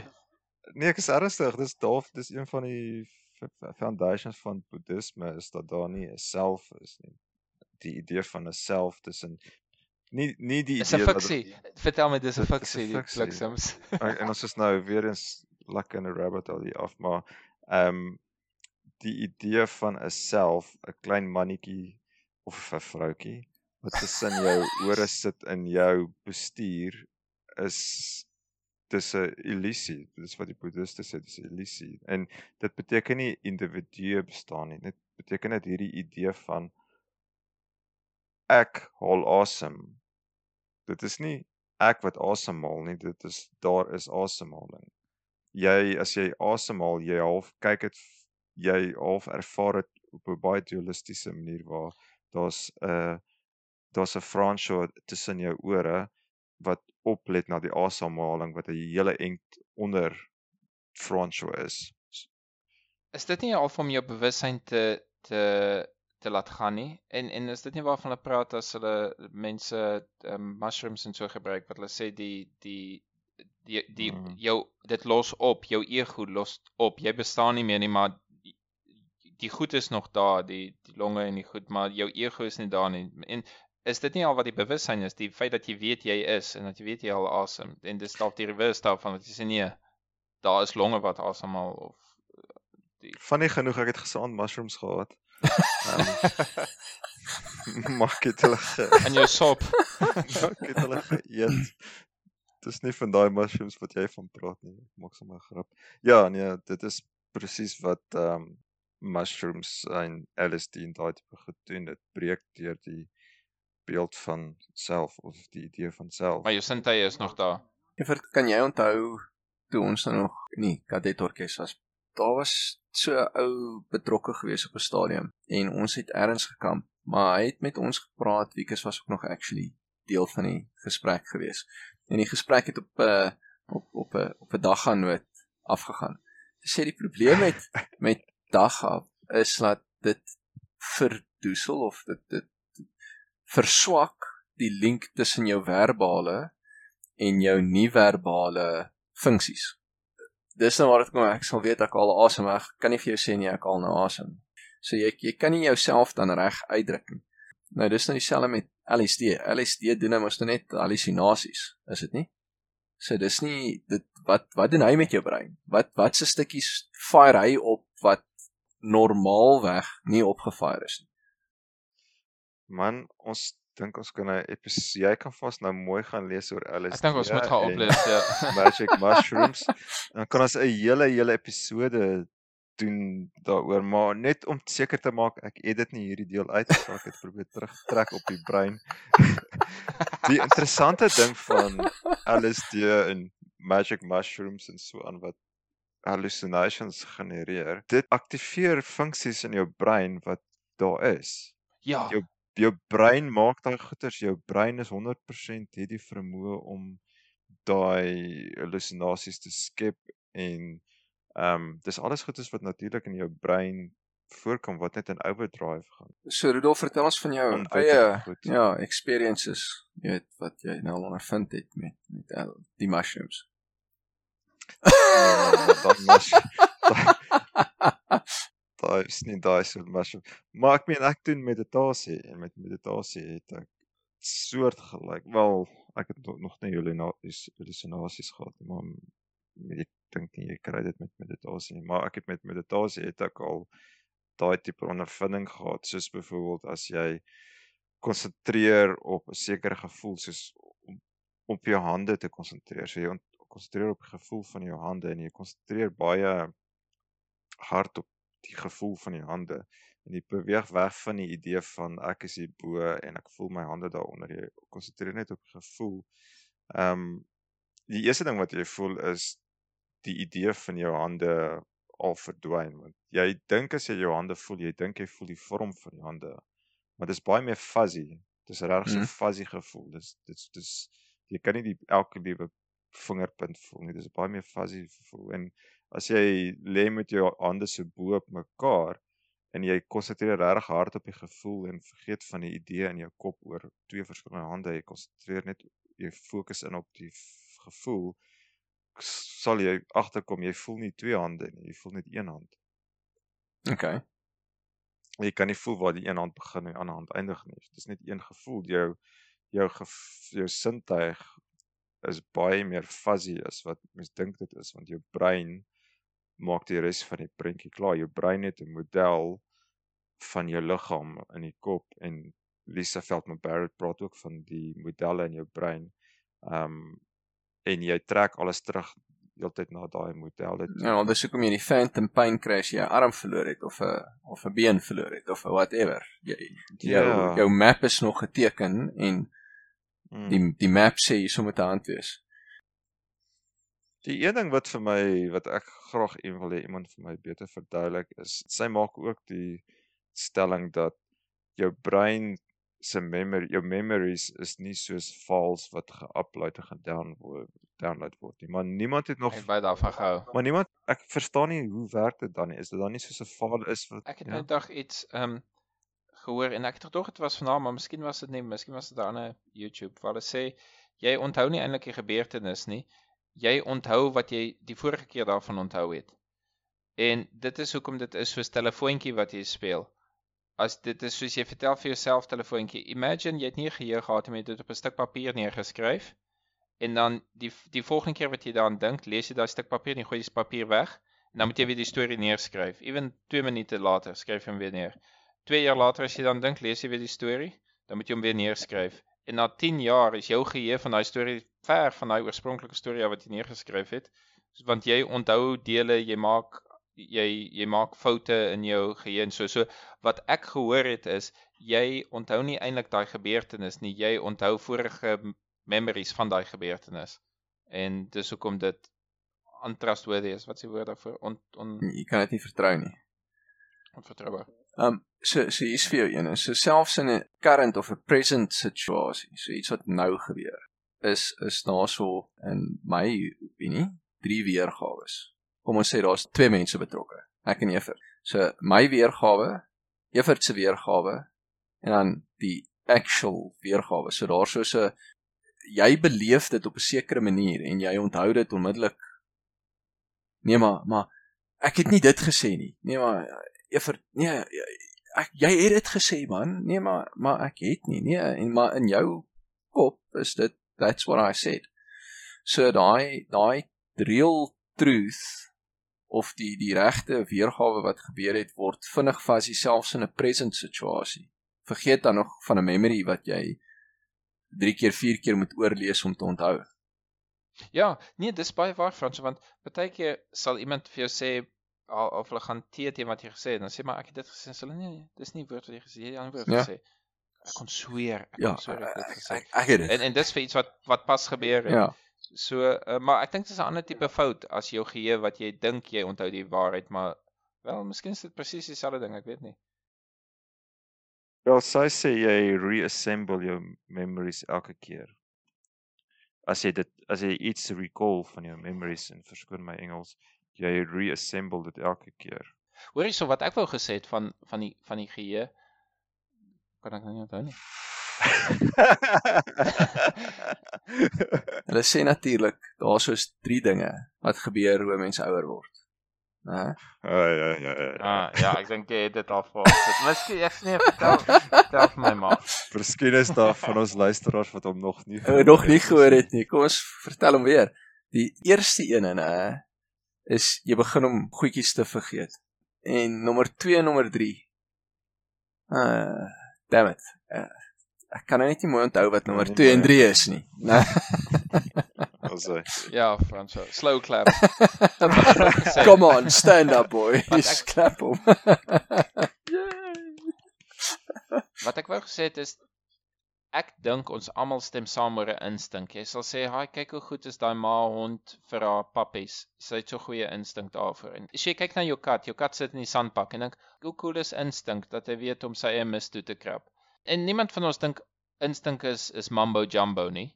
Dan vra ek vir jou, okay, so so waar's instink? Waar's instink in jou gene? Waar's instink as jy gebore is? Waar waar word dit gestoor? Wys jou wat se tipe scientist ek is, want ek glo daar's iets soos instink. Ek weet nie hoekom nie. Dit voel vir my daar is iets wat wat jy nie by jou ouers leer nie of wat kykies nie by hulle ouer ma en pa kat leer nie, wat net ingebore is. Honde is nie soos wolwe nie en honde is nice en wil mense se gesig lek. Waar word dit gestoor? Dit gaan weer weer oor die nature versus nurture argument wat ons nie suppose is om magtes te hê nie. Oh, dan laat ek jou vra, so sluit jou definisie van nature dan in een of ander megan obviously 'n meganisme vir memory, maar ook 'n meganisme vir instink. So, die manier hoe ek dit verstaan is jou brein werk met wiring en ook okay, wiring is 'n metafoor. Jou brein nie mag gebruik nie en jou jou jou brein het neurone en sekere neurone as hulle gereeld met mekaar werk dan versterk daai koneksies. So dan jou brein gebruik daai funksies meer en meer en dit raak meer inherent deel van jou. En dan het jy ook so sy noem dit tuning and pruning. Mm. So jy tune die dele wat vir jou belangrik is en jou brein versterk daar en jy prune ook. Jy sny ook sekere dele af wat nie belangrik is nie. So jou brein om meer efficient te wees raak hy ontslaaf van koneksies wat nie belangrik is nie of nie raak nie ontslaaf daarvan nie dit verswak. Ehm um, maar so ek dink jou vraag is is daar pre-wiring? Is daar sekere wiring wat ons klaar mee gebore is? Word jy geship met sekere goed? Ja, dit is wat ek vra, maar want dit is ins insig. Ag dit is ins wat instink. Instink. Instink is die wiring waarmee jy gebore is. Ja, maar vir my is daar twee verskillende maniere. Iets soos tempera temperament. Is ek 100% okay om te sê dis DNA jy het een of ander gene wat hormone maak en die hormone beïnvloed jou om bloodthirsty, ek weet nie, um um vegtershond te wees of om 'n heel rustige hondjie soos wat ons het. Ek kan ek is okay met hormone, maar dit is nie die tipe instink waarvan ek praat. Ek praat van hoe weet 'n geel vink om 'n knoop te maak in 'n stuk gras om 'n nes te bou net van gras uit. Ek vind dis amazing. Moenie vir my vertel daar's DNA iewers wat vir hom vertel om dit te doen. Dit dit maak nie vir my sin nie. Wel hy hy's gebore met daai wiring. So ek het gehoor soos byvoorbeeld 'n leeu is 80% van sy breinaktiwiteit is gebaseer op instink en instink is die wiring waarmee jy gebore is. So jy kan 'n leeu nie daar's nie baie kapasiteit om te leer nie. Terwyl 'n Ah, mens is okay. die teenoorgestelde. Mense is gebore met ek weet nie 10% wiring en 90% moet jy soos wat jy aangaan moet jy jy, jy Selfwire. wa- word ge ja. So en op, ek het obviously die persentasies verkeerd want ek weet nie wat dit is nie. Maar in 'n instink is die wiring waarmee jy gebore is. Maar jy vra nou, okay, hoe kom jy van DNA tot die wiring en ek en jy Ja, daar's 'n layer missing iewers vir dit vir my Dit want ek en jy was 'n groot missing. experts op DNA laas keer. Ja, soos vir ons wel jy het nou 'n gesprek gemis wat ons gehad het oor DNA. Uh -huh. Ehm um, en daar is 'n gap. Daar is 'n gap. Die DNA gee nie vir jou alles wat die liggaam nodig het om 'n liggaam te bou nie. Daar is 'n gap en ja, ons sal op 'n ander episode die gap explore. Ek, ek sal die, die pot gooi vang. Ehm um, my vraag is, indien jy X-wiring het en obviously jou samelewing en ouers bied die grondslag van jou nuwe wiring of die wiring going forward. Hoeveel van daai wiring Ja. kan jy redo soos 'n mens ouer word? O, sy praat daaroor en sy sluit dit aan by free will ook. Sy sê as jy nie hou van jou wiring nie, rewire jou brein. Jy kan nuwe goed leer, jy kan jouself nuwe gedagte trends leer. Ehm um, sy sê daar's ehm um, jy het daai elastisiteit om jou brein te rewire soos wat jy hom wil hê. Okay? Soos jy uh as jy 'n konservatiewe boer is en jy wil 'n hippie word, dan kan jy jouself leer om dit te doen. E een ding wat interessant is wat wat sy of of wat sy genoem het is ehm um, en ek kan nie onthou wat het dit met die brein te doen, maar sy het gepraat oor kunstenaars, artists. En sy het iemand aangehaal, Duchamp, iemand so iets dink ek was sy van wat gesê het as as die artist alles doen wat hy kan, dan is die werk 50% klaar. En die res van die 50% is in die oë van die mense wat sy werk evalueer of wat wat wat wat wat wat half dit waardeer. Ek sê letterlik waardeer. As jy kyk wat is die woord waardeer? Hoeveel waarde heg jy aan something? Ons ons sien waardeer as appreciate. Oh, thanks man. Ek is dankbaar vir wat jy gedoen het, maar die waardeer is ook wat is wat is my kunswerk se waarde in die in die universe is nie deur wat ek sê wat dit is nie, maar dis deur wat die mense wat wat dit geniet of wat dit haat of wat so wat sê hoe dit is. Maar dit was my cool om te dink dit is die kruis wat die artist dra, absoluut die die ding van ja, ek het alles gedoen. Ek het alles gedoen. Hoe ver kry dit jou? 50%. En dit voel ook my dit iets met free will te doen in lewe. Iemand het gesê everything is is 50% chance. Jy jy oh, jy doen 100% wat jy kan, maar alles is 50% chance want jy weet nie wat is die ander inputs wat daai ding jou plannetjies in 'n moering kan laat gaan nie. Ek hou van daai idee van jy kan ook maar net so ver jou jou eie lot bepaal. Daai punt is lesson 4. Your brain predicts hakies almost everything you do. Nou sê sy dat Marcel Duchamp once said that an oh, artist does only 50% of the work in creating art. The other 50% is in the viewer's brain. Okay. Yeah, so yeah. some artists and philosophers call the second half the beholder's share. Nie die beerhouder nie, the beholder. Hmm. ja, okay ek kan baie vinnig ook dink agter se potstrond die die kuns of so. Ek gaan nie probeer sin maak uit iets uit wat vir my lyk like, soos iets wat 'n klein kind kon geteken het of so nie en moderne aard wat iemand net 'n ek weet 'n toilet in 'n groot oop saal sit en sê dis kuns. Ja, ek, ek kan dit vinnig afskiet. Maar ek ek erken die struggle van die artist. Iets probeer uitsit of iets probeer meedeel en ander mense voel net nope. Hoor jy dude, as dit nog so 'n paar minute oor sê vir my, wat was die highlight van die boek gewees? Jy het nog nie jou highlight gedeel met ons nie. Vir vir my. Bro, sê vir Frans hoekom moet hy die boek lees? Wel, wat was die highlight? Nee, nee. Frans het nou al klas hy kinders groot gemaak, so dis nou seker nie vir hom waar nie. Ek ek hou groot gemaak. Nee, blik. Ek nog moer ver om te gaan. ek ek hou van die reminder van ag hulle is net kinders en ons moet mooi werk met hulle. Ehm um, ek dink ek kan nie genoeg daarvan kry nie. Um, Almal probeer maar om die beste te doen. Jy faal ook my elke nou en dan. So ja, net net daai deel van jy sê jy het fragile brainsie wat depend op soos 'n spons goed op te neem en jy moet hooplik die regte goed aanpas. Wat niemand weet wat dit is nie, maar jy probeer maar jou bes. Ehm um, die een wat ek nou genoem het oor aard was vir my ook cool. Ehm um, dit was nie so science nie, maar net die struggle is real van ehm um, ja, um, van hoe aard werk en ons kultuur van van faking het. Ja, die ding wat vir sy kop uitsteek oor die fiksies was ehm um, ek sou net sê interessant nê. Dit is ek dink ek het dit deel van my opvoeding alweer gemis waar dit lyk dis 'n ehm um, common theme. Okay. Die interessante ding van die kind man, ons ek het nou al eerstehands ondervinding daarmee gehad en ek gaan die storie so 'n bietjie opmaak sodat ek nie te veel persoonlike inligting deel nie, maar ja, as jy 'n sekere situasie skep in jou huis, byvoorbeeld as jy 'n kind het wat nie sekere kos wil eet nie en jy is dan baie kwaai met daai kind en jy sê jy sal dit eet, jy sal dit eet, dan raak die kind gespanne. So die, die oomblik as die kind by die tafel aankom, is die kind al klaar gespanne want o, donder gaan in die moeilikheid ja. wees omdat ek nie my ertjies eet nie. En dis actual dis actual ja wiring in die brein wat gebeur het. Daar sekere koneksies wat gemaak word van waar daar 'n angsassosiasie met aandete is.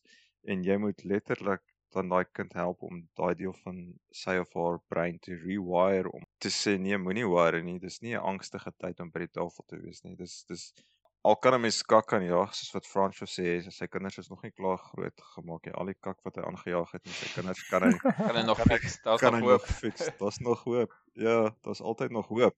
En ja ek miskien dis vir my een van die exciting boodskappe van die boek is daar's nog altyd hoop al is jy 'n ou ballie soos ons kan jy nog steeds jou brein rewire en um, nuwe goed leer. Iets wat wat ek oor gewonder het toe ek dit lees maar dit meer met oormense te doen as as hulle so beskryf die um, Neanderthals en Homo sapiens en so voort sal baie keer praat oor die brain size. Nee, ons kan nou sien dat die average brain size is nog groter tussen die spesies en die en eintlik was Neanderthal het eintlik 'n groter brein gehad en so aan en alles brain size, brain size, brain size en hulle het 'n direkte parallel met hoe clever jy is met brain size. Maar niemand sal ooit durf, durf, durf in ons huidige samelewing oor enigiets te sê van ja, ek het die ou geïnterview en het jy daai kop aan hom gesien? Ten minste as hy as hy so op dieselfde vlak is as die ander ou en ons weet nie heeltemal wie nie kan kan ons net hier 'n maatband uitkry en kyk wie die grootste kop want hoekom hoekom is dit ewe skielik tel dit glad nie. Ons praat nie oor wie se kop is die grootste nie, maar as ons praat oor oormense, ja dan kopgrootte, jissie, dis hoe clever hulle is. Maar ehm um, jy gaan nou nie vir op iemand se CV vra, "Hey, so jy's getroud en jy vra of jy kinders hulle het en daar wat sit jy mense terug en sê meter van jou kop. ja, wat sê jy net ons 'n bietjie omtrek. Wat wat jou hoed grootte? Draai graag hoede. hoed grootte. Dude, dis vreemd hoe hoed grootte gemeet word. Dit is ek weet nie wie koop hoede online nie want dit is 'n dice row jy moet regtig jou goed ken. Ja, so so dit, ek ek wonder dit gaan oor die brein en dit lyk tog vir my grootte ek, ek weet nie hoe hoe kan jy sê die grootte van 'n spesies in vergelyking met 'n ander spesies beteken baie. Maar dan verskillende individue, obviously as jy groter is en jy's 2 meter lank, is jou kop groter as iemand wat 'n meter en 'n half is. Maar om een of ander rede is daar ek sien nie dat enige iemand sê daar's 'n korrelasie dan teenoor jou verstandelike um um capabilities nie. Maar sy praat daaroor. Wat? Sy het gepraat oor olifante. Seker toe ek kwaad was vir wat ek nie geluister het nie. Sê jy? Seker terwyl ek kwaad was vir wat ek nie daai deel geluister het nie, oor haar.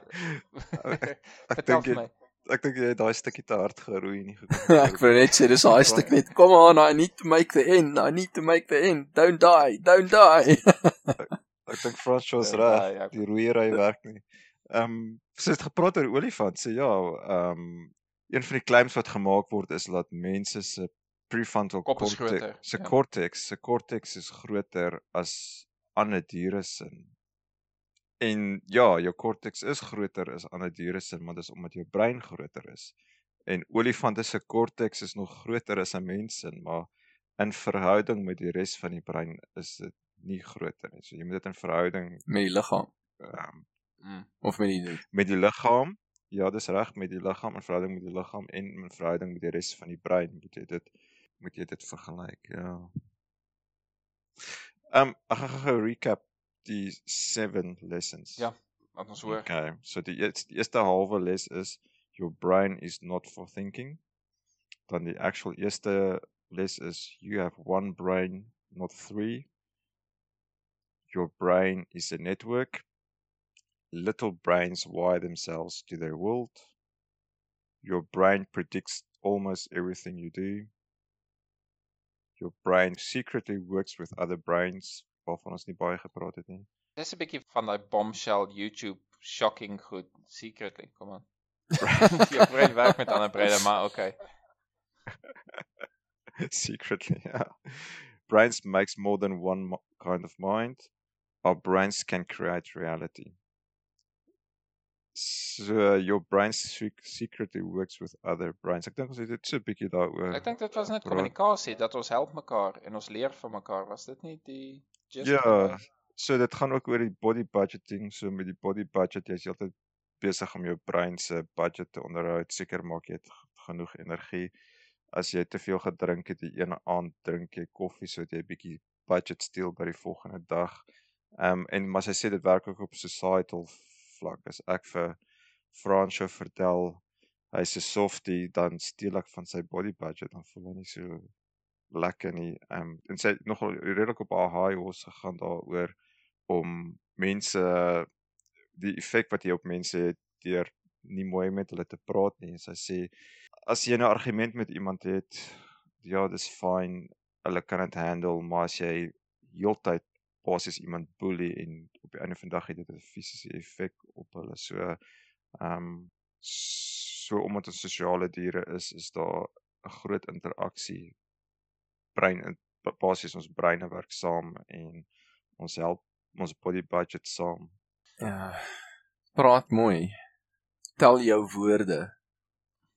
Ja, dis basies wat sy sê. Ja. Sy sê Ja, ons kan so nou en dan 'n bietjie hard met mekaar praat, maar as jy konstant te hard op iemand is op die einde van die dag, dit dit 'n fisiese effek op hulle. En sy gebruik die voorbeeld van as iemand onder stres is, tot die manier hoe jy kos prosesseer is anderster. Veral as jy dit voel asof jy die boek al gelees het, man. Ja. Nee, ek het ek het ek het so 'n bietjie huiswerk gedoen, so hier en daar. Ek ek kan julle daarom nou nie iets in die steek laat Ek nie. dan nie die boek aan jou te verkoop nie. So my, my my job is dan nou oor, so dit al 'n bietjie pressure van my af. Maar ons dink 'n bietjie daaraan. Ek bedoel ons ons ons praat oor mense se breine en weeskinders of so, maar as jy dink aan jou eie een of, of nie nie brein noodwendig nie, maar jou persoonlikheid. As jy dink die grootste asshole wat jy nog was en die nice wat jy was, daar's 'n groot variasie daar en ek weet nie hoe gereeld is jy op die twee uiterste pole nie, hopelik nie te veel nie. Dit sal bietjie worrying wees vir mense om jou. Maar ek meen, ons praat oor ja, party mense so party, ek meen as jy op jou malste was of waar jy van jou kop af is en absoluut geen reason en jy doen net wat jy wil half en as jy al daai extreme vat, jessie, ons is 'n wye spektrum van possibilities en ek weet nie eintlik wat my punt daar o, wat ons beskryf as 'n wat ons beskryf as 'n general brain is al so average tipe ding van ja, ek dink nie ek is so, ek is so. Nee, ek is all over the place as ek nie by mekaar hou nie. En tog ten spyte van die feit dat jy van ek weet nie op die skaal van 2 tot 8 beweeg, sê jy ja in general ons ons is so 'n 6 en mense wat 'n 5 op average is is heeltemal wacky. maar meantime is ons capable om heel ver van die average af te gaan met ons goed. Byvoorbeeld mense wat wat suksesvolle jobs het en self besimpel drink. Dis moontlik. Ja, en ons sê ja ja, dis oukei. Okay. Ek meen sy brein is op 'n hele ander plek as wat hy 5 ure terug was. Ja, ek meen daar's filosowe wat wat uh wisdom and peace vir almal preek en einde ehm um, okuliste was. Ja. So wat is jou punt? dat dat selfs as ons sê wel hoe word 'n memory gemaak of so ons praat asof daar net een brein is wat die requirement het maar eintlik jou brein manage verskillende states waar jy hom toelaat en sê okay nou gaan ek net vir die kos te, te moer met enige logika of iets. Nou eet ek soveel Cadbury cream eggs as wat ek wil. Of nou nou is ek kwaad die moer en, en ek laat net alles gaan en of nou wil ek die girl chaff so nou is ek regtig nice of so aan dis daai selfe brein wat ewe skielik in 'n ander is, ander goal het of 'n ander Hmm. Jy jy het half verskillende modes wat jy in operate en dis amper asof dit verskillende persoonlikhede is, is dit wat jy ja, ons sê of die die average mens soek kos en so aan, maar ja, vat jou wildste of as jy jou extreme vat dan dan's daar dis ver van die basic requirement af van okay, ons moet nice wees met mekaar en ons moet leer en so aan. Jou ouers kan jou goed leer, maar jy kan nog steeds so aggressief wees of so nice wees in een persoonlikheid. Ten spyte van jou opvoeding is jou range so ver van wat jy op average van jou ouers afgekry het. Ek reken dis wat ek wil sê dat die formule is nie net so ek het in general 'n goeie opvoeding gekry in general is ja, ek kan seker sê in general is my is my persoonlikheid so, maar dit is die die ekstreme daarvan is so wyd dat as iemand jou ontmoet kan hulle nie en hulle sien net een voorbeeld van hoe jy is, kan hulle heel moontlik glad nie dink jy is ewen waar jy dink jy is nie. Maar dink jy dis Dit is om, van dis die omtrent soos die statistiek waar hulle sê ag ek weet nie, mans is sterker as vrouens. Ja, beteken nie dat elke man is sterker as elke vrou nie. Die die curve is so wyd dat van twee individue kan jy nie eintlik sê wie gaan nou sterker wees as jy So jy praat half van average versus standard deviation. Okay, dis Ja ja ja, ek- wat ek van praat is ons praat nog die hele tyd uh, sien ek al myself as my eie brein in die storie as ons sê die brein is nie dit nie, die brein is nie dat nie, die brein is nie dat nie. Maar as jy kyk hoe chaoties jou eie brein kan wees all over the place in sy extreme, dan ja, ek weet nie hoekom soek ons vir reguit antwoorde nie. Maar as jy as is een van jou doelwitte in die lewe is om 'n beter mens te wees wat nou 'n bietjie 'n bietjie my high horse klim is is die manier hoe jy dit nie doen om daai extreme al hoe meer en meer in te perk dat jy meer die average is jou jou gedrag is meer op die average wat jy graag wil hê dit moet wees. Ek dink dit deels te doen met om 'n volwassene te wees dat jy nie Hmm. jouself ja, laat jou emosies alles beheer soos die drie dele brein wat nou nie bestaan nie wat wat ons dink nie. Maar Ja, moegheid is die een wat my vang. Dis Oh, as ek dude, moeg ja. is, dan raak ek cranky en Honger. Wel honger Ja. ook. Moeg en honger as jou jou lyf fisies onder stres is, dan dink ek maak jy moeilike besluite. Ek, ek dink my punt is ons kan nie demand dat ons al die antwoorde vir die brein en die memory en al dit moet weet asof ons sulke 100% geoliede masjiene is wat altyd op dieselfde slag loop en altyd so is as ons onsself toelaat om totaal en al die pad byster te raak elke nou en dan. En ek voel daar daar's baie werk wat jy aan jouself nog kan doen voordat jy al die antwoorde moet hê vir die moeilikste goed en Ja. Ons demand van science dat ons al die antwoorde moet kry, maar in ons persoonlike lewe is ons quite ongeorganiseerd dink ek. Ek dink ons laat onsself baie keer toe om te deviate van die wie ons dink ons is. Ja, maar gaan dit nie oor, oor terug na bewussyn nie om heeltyd half te bewus te wees van jou emosie en jou mood en dit dit voel vir my dis waar hierdie boek my bietjie help. Die feit dat Lisa Felton Barrett vir my verduidelik dat jou brein 'n prediction engine is. Ek het van wat ek het gelees het ek half begin meer oplet daaroor. Ek meer begin oplet. Okay, wat is Mm. my brein nou besig om vir my te predict? My brein is nou besig om te predict dat Frans nou my gaan afsny en verkeer. so wees kalm, wees kalm en dit ja, okay, ek gaan weer ramble oor mindfulness. Daai mindfulness van Dude, ja. wat in jou kop aangaan en heeltyd om op jou te probeer terugbring by jou objectives. My objectives is om nie nasie te wees met die mense by die werk al dink ek hulle is hulle is morone nie. Um ek ek, ek dink dis dis dis waar mindfulness vir my inkom. En dit is hoekom ek so geïnteresseerd is in hierdie tipe goed van die brein want ek voel half hoe meer ek weet van die brein, hoe meer kan ek dit gebruik om my mindfulness te verbeter dat ek minder van 'n asshole is. Ek ek reken hoekom ek die lang storie, jy moet dit maar kort knip. Hoekom ek die lang storie mee opgekom het van ons is op baie punte van die skaal en nie net 'n dun average nie. Is omdat my vraag half is ek, ek sien hoe 100% wat jy sê van die mindfulness en toe Fransjo vertel het van die kadetorkes, het ek gedog ek gaan praat oor astrale projeksie.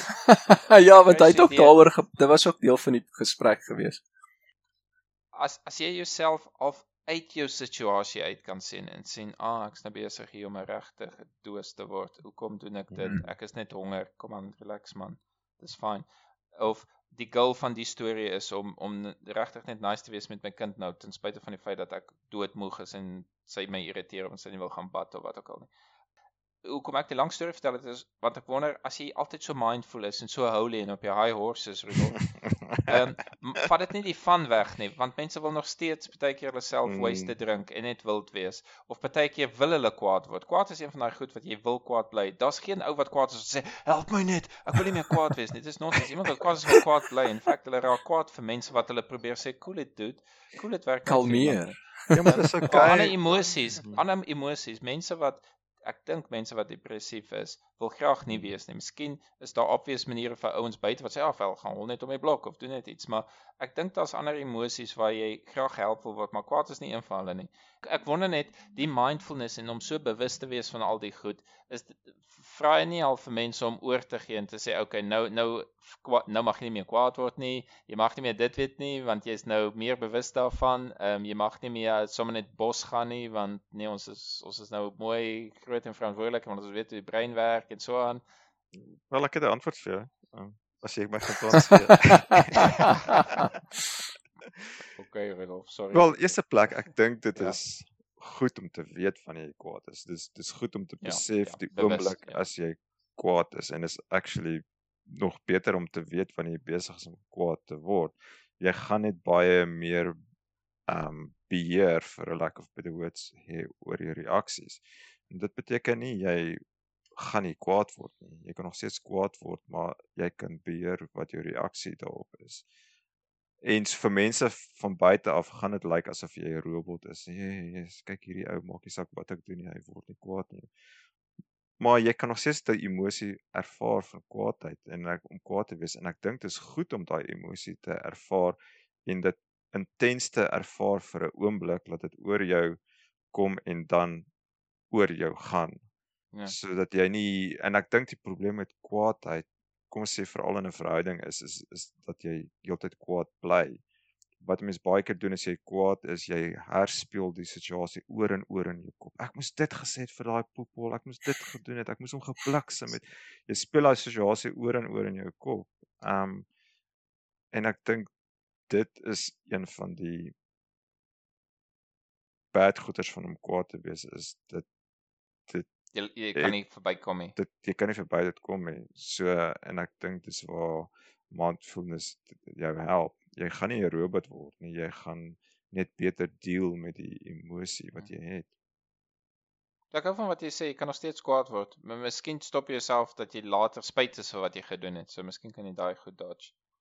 Ehm um, Ja, maar ek sal nou 'n persoonlike storie deel. en miskien is dit die laaste gedagte. Ehm um, ek ken by vrou soos wat jy nou maar doen raak jy in argumente betrokke. Ja, maar dit raak dit het redelik warm geraak. En op 'n stadium maak sy af sin sy sê ek dink jy moet meer mediteer. oh man, ek het dit verloor. Ek het verloor. Ek dink yes, United man. Excellent. Jy het nou laag. Het jy goed sit. gesê. Ja. En dit nou half ons gaan mediteer ou. Dis 'n goeie les vir ons almal voordat ons akwaad maak. ja. Alright dudes, fun. Dit was lekker. Dankie julle. Ja, ek dink ons gaan 'n paar links moet publish om op te maak vir die dinge wat ons verkeerd gepraat het en so. Ehm um, ons Ja, maar miskien moet ek net sê PSA again. Um, ek sit gewoonlik links in in Anchor en ek weet nie hoeveel van daai links oor na Spotify toe gaan of so nie, maar iewers as jy regtig soek vir links, ja, jy hoef nie daar net te lank te soek nie. Dit behoort in ons notas te wees van die of beskrywing van ons potgooi. So maar gaan ons vir Frans vra of hy die boek gaan lees of nie. Ek dink hierdie keer is dit nie eens Nee, nodig nie want ek dink hy nee. ken die boek nou al amper beter as ons. Julle het 'n goeie job gedoen hoor. So so omdat dit 'n mooi sewe kort stories is, het het ek al sewe stories gevat en selfs die halwe ene en en ek dink dit is nodig.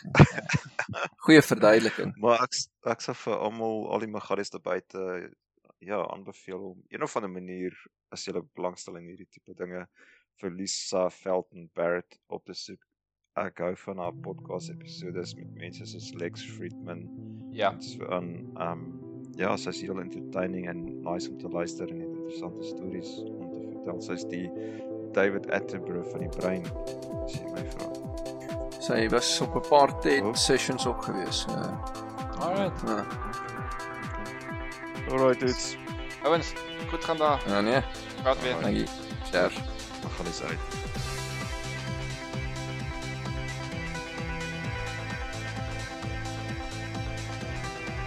Vir enige navrae of kommentaar, kontak ons by magaliespotgooi@gmail.com of check ons uit op Facebook.